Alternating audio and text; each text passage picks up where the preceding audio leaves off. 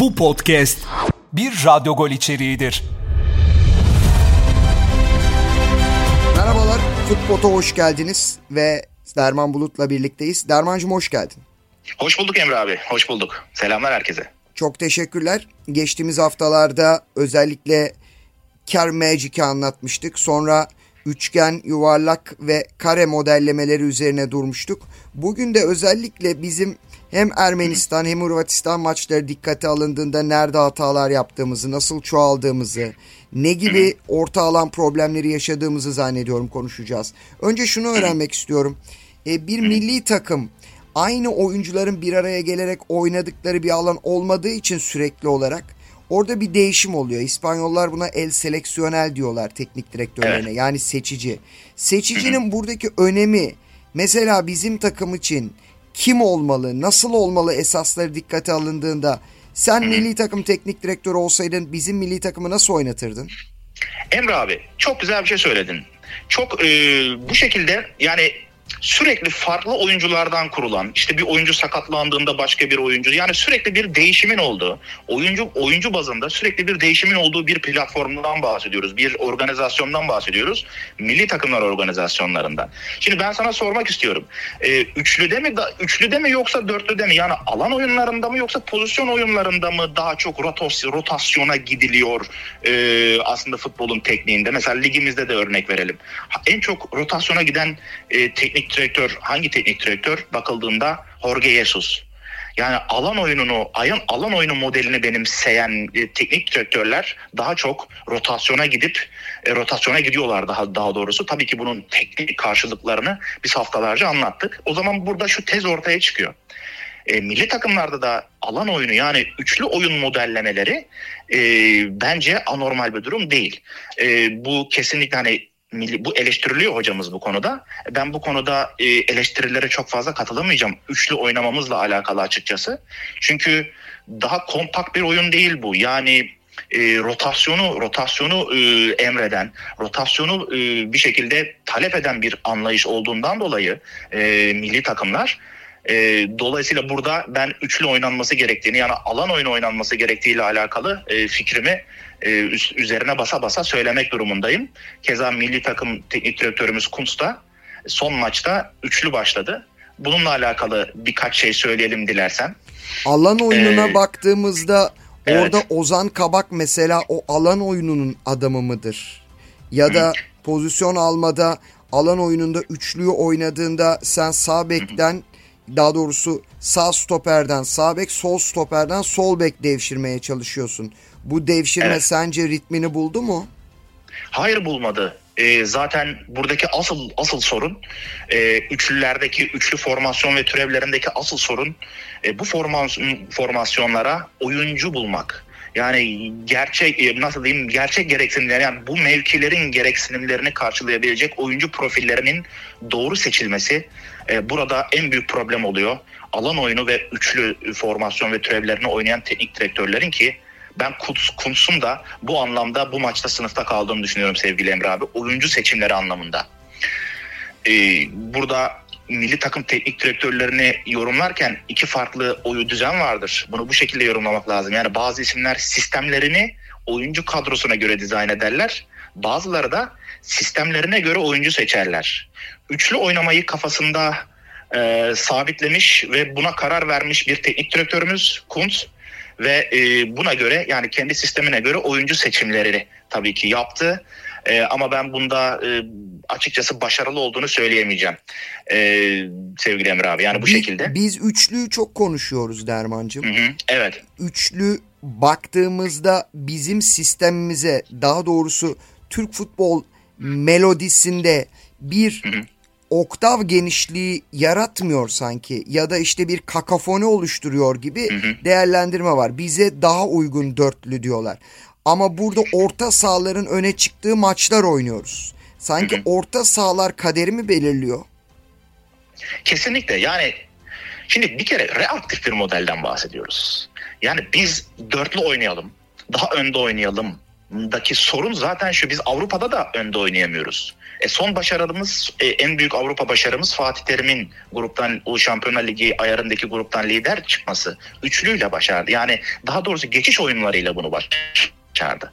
Yani biz bunu bir şekilde Avrupa arenasında e, benimsememiz lazım diye düşünüyorum. E şimdi biz dörtlü oynayalım, önde oynayalım. E, en büyük problemimiz zaten hücumdan savunmaya geçişte yaşadığımız problemler. Gegenpress nedir bilmiyoruz e, kademe alma nedir bilmiyoruz. Yani biz e, hücumdan savunmaya geçerken sıkıntı yaşadığımızdan dolayı daha reaktif modellerin kendi yerel ligimizde değil de Avrupa arenasında yani Edirne dışında e, bu üçlü gibi reaktif modellerin alan oyunlarının yani kullanılması gerektiğini düşünüyorum ben sevgili Emre abi. Bunu o reaktif lazım. ve proaktif yapısından yola çıkacak olursak hı hı. bizim önümüzde çok önemli maçlar oynanıyor. Bu podcast dördüncü bölümü yaptığımızda biz henüz daha Beşiktaş-Fenerbahçe maçı oynanmamıştı. Evet. Nasıl oyun düzenleri Türkiye'nin sistematik yapısı için daha uygun? Jorge Jesus'u üçlü oynadı diye astık. Pereira'yı asıyoruz. Evet. Ee, evet. Sanki dörtlü ama dünya bu modellemelerde bir beşinciyi, bir altıncıyı ya da bir yedinci modellemeyi çıkartıyor mu?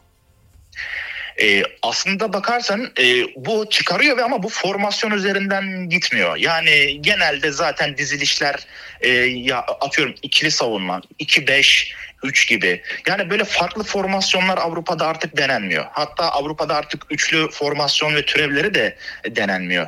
E, yani formasyon üzerinden bakmamak lazım. Tamamen belli bir şablon var. E, bu şablon üzerindeki e, nasıl desem bir santranç e, masası var. E, bu masadaki bu masadaki sadece değişenler e, piyonların sayısı ya da atın sayısı ya da kalenin sayısı değil. Burada burada değişen stratejiler, üretilen stratejiler. Biz strateji üretemediğimiz için zaten e, bu Avrupa futbol e, literatür sisteminde bir şekilde e, söz sahibi olamıyoruz diye düşünüyorum. İnteraktif hücum ve savunma setlerine e, ihtiyacımız var sevgili Emre abi bu anlamda. Derman Bulut'la birlikteyiz futbolda. Derman Peki hı hı. bizde bir Norveç modeli yok, bir Finlandiya modeli yok, bir İspanyol evet. modeli yok, bir Catanaccio yok, bir Premier Lig modeli yok. Yok. Bizim kendimize özgü bir modelimiz de yok. evet. Bir oyun kültürümüz yok. Peki nasıl olacak? Yani çok kitap okuyarak mı kültürü genişleteceğiz? Arjantin'de bir oyun kültürü yoktu. E, Kempes zamanında. Bilardo çıktı. 78 değil mi? Menotti, evet. Aynen öyle. Menotti, Bilardo. Yani Almanya'da keza yine farklı isimler. Ee, Cumhur şey Cumhuriyet yani Türkiye elden gidiyordu. Ee, Osmanlı dağılmıştı. Orada birinin çıkıp bazı şeyleri değiştirmesi lazımdı. Mustafa Kemal Atatürk. Yani bunu siyasete, spora, e, bunu her kulvara bir şekilde her sektöre yayabiliriz diye düşünüyorum ben. Bazı bazı noktaları, e, bazı dönüm noktalarını bazı insanlar, bazı kişiler e, değiştirebilir diyorum. Bu anlamda spor yorumcularına da ben görevler düştüğünü e, açıkçası düşünüyorum. E, ama burada birinin çıkıp sevgili Emre abi artık bu işte iki, 90'lı e, yılların başında Piontek mesela e, bir şekilde Türkiye'nin katı savunma anlayışından e, bir şekilde ikinci bölge ve üçüncü bölge oyunlarına acaba geçebilir miyiz? Biz bu şekilde oynayabilir miyiz? E, adımlarını atan bir kişiydi ama sonrasında devamı bir şekilde gelmedi. Yani bir oyun kültürü oluşturamadık. Bunu tabii ki de e, kişiler, e, seçilmiş kişiler başarabilir diye düşünüyorum ama e, torpil yani Türkiye'de belli bir yerlere gelebilmek için bazı bazı tanışların, bazı akrabalarının varlığı çok önemli oluyor. Kimse hak ettiği hak ettiği yerlere al, alnının teriyle gelemiyor. E, kitap okuyanlar, araştıranlar, bu işin okulunu okuyanlar şu an ikincilikten antrenörlük yapıyorlar. Ben bir sürü hoca sayabilirim inanın e, okullu. Ancak e, Süper Lig'de görev yapan teknik direktörlerin, özellikle yabancı teknik direktörlerin ben e, hiçbir şekilde Türkiye'de bir iz bırakacak, yani bir ekol oluşturacak, bir ee, anlatabiliyorum değil mi ne demek istedim? Yani herhangi bir şekilde ülke futboluna e, katkı anlamında bir yarar sunduğunu düşünmüyorum ben sevgilim. Yani bir fayda sunduklarını düşünmüyorum. Bu bağlamda da sorun özelinde kesinlikle birinin çıkıp bazı şeyleri değiştirmesi lazım. E, bunu Fatih Terim başaramadı.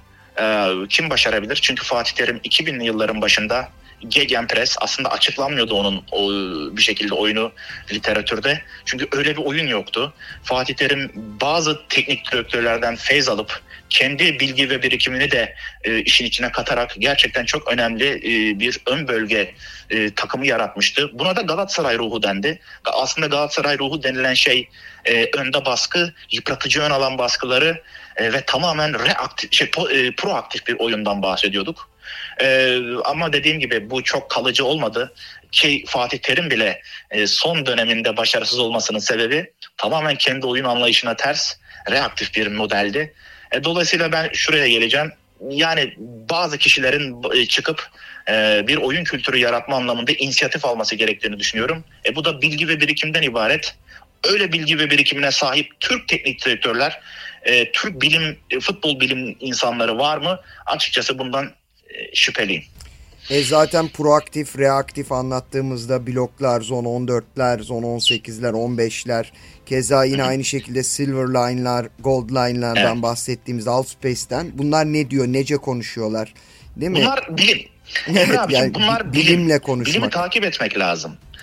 Ee, anlatabildim yani okumak lazım, araştırmak lazım, bilimi takip etmek lazım, teknolojiye inanmak lazım, bunu kullanmak lazım. Sevmiyoruz ki şekilde... bilimi Dermancığım, bilimi seviyor evet. muyuz? Yani biz kulaktan dolma, kendi aramızda evet. sohbetlerimizle birbirimizin yazdığı yazılardan kopyalar çekerek her şeyi hayata evet. geçirmeye çalışıyoruz. Ee, tamamladık gibi sanki ama bugün gerçekten hayatın içinden de farklı şeyleri konuştuk. Senin bu bilimsel metodolojiyle anlattığın her şeyle zannediyorum yeni nesil özellikle alfa ve z kuşağı çok şey öğrenecekler. Ağzına sağlık. Aslında ben e, bu araştırdıklarımı ve duyduklarımı bir şekilde hani siyasi dil vardır ya böyle e, çok abartı bir dildir, akademik dil gibi değil de daha çok herkesin anlayabileceği dile e, bir çevirisini yapıyorum gibi hissediyorum aslında bakarsan kendim sevgili Emre abi.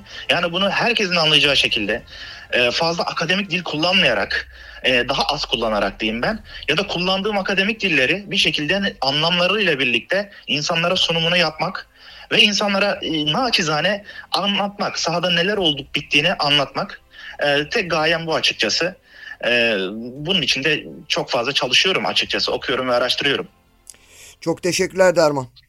Ben teşekkür ederim sevgili Emre abi. Çok mersi. Derman Bulut'la Futbot'un dördüncü bölümünde birlikte olduk. Beşinci bölüm haftaya yine aynı bu zaman diliminde sizlerle birlikte olacak. Hoşçakalın. Hoşçakalın.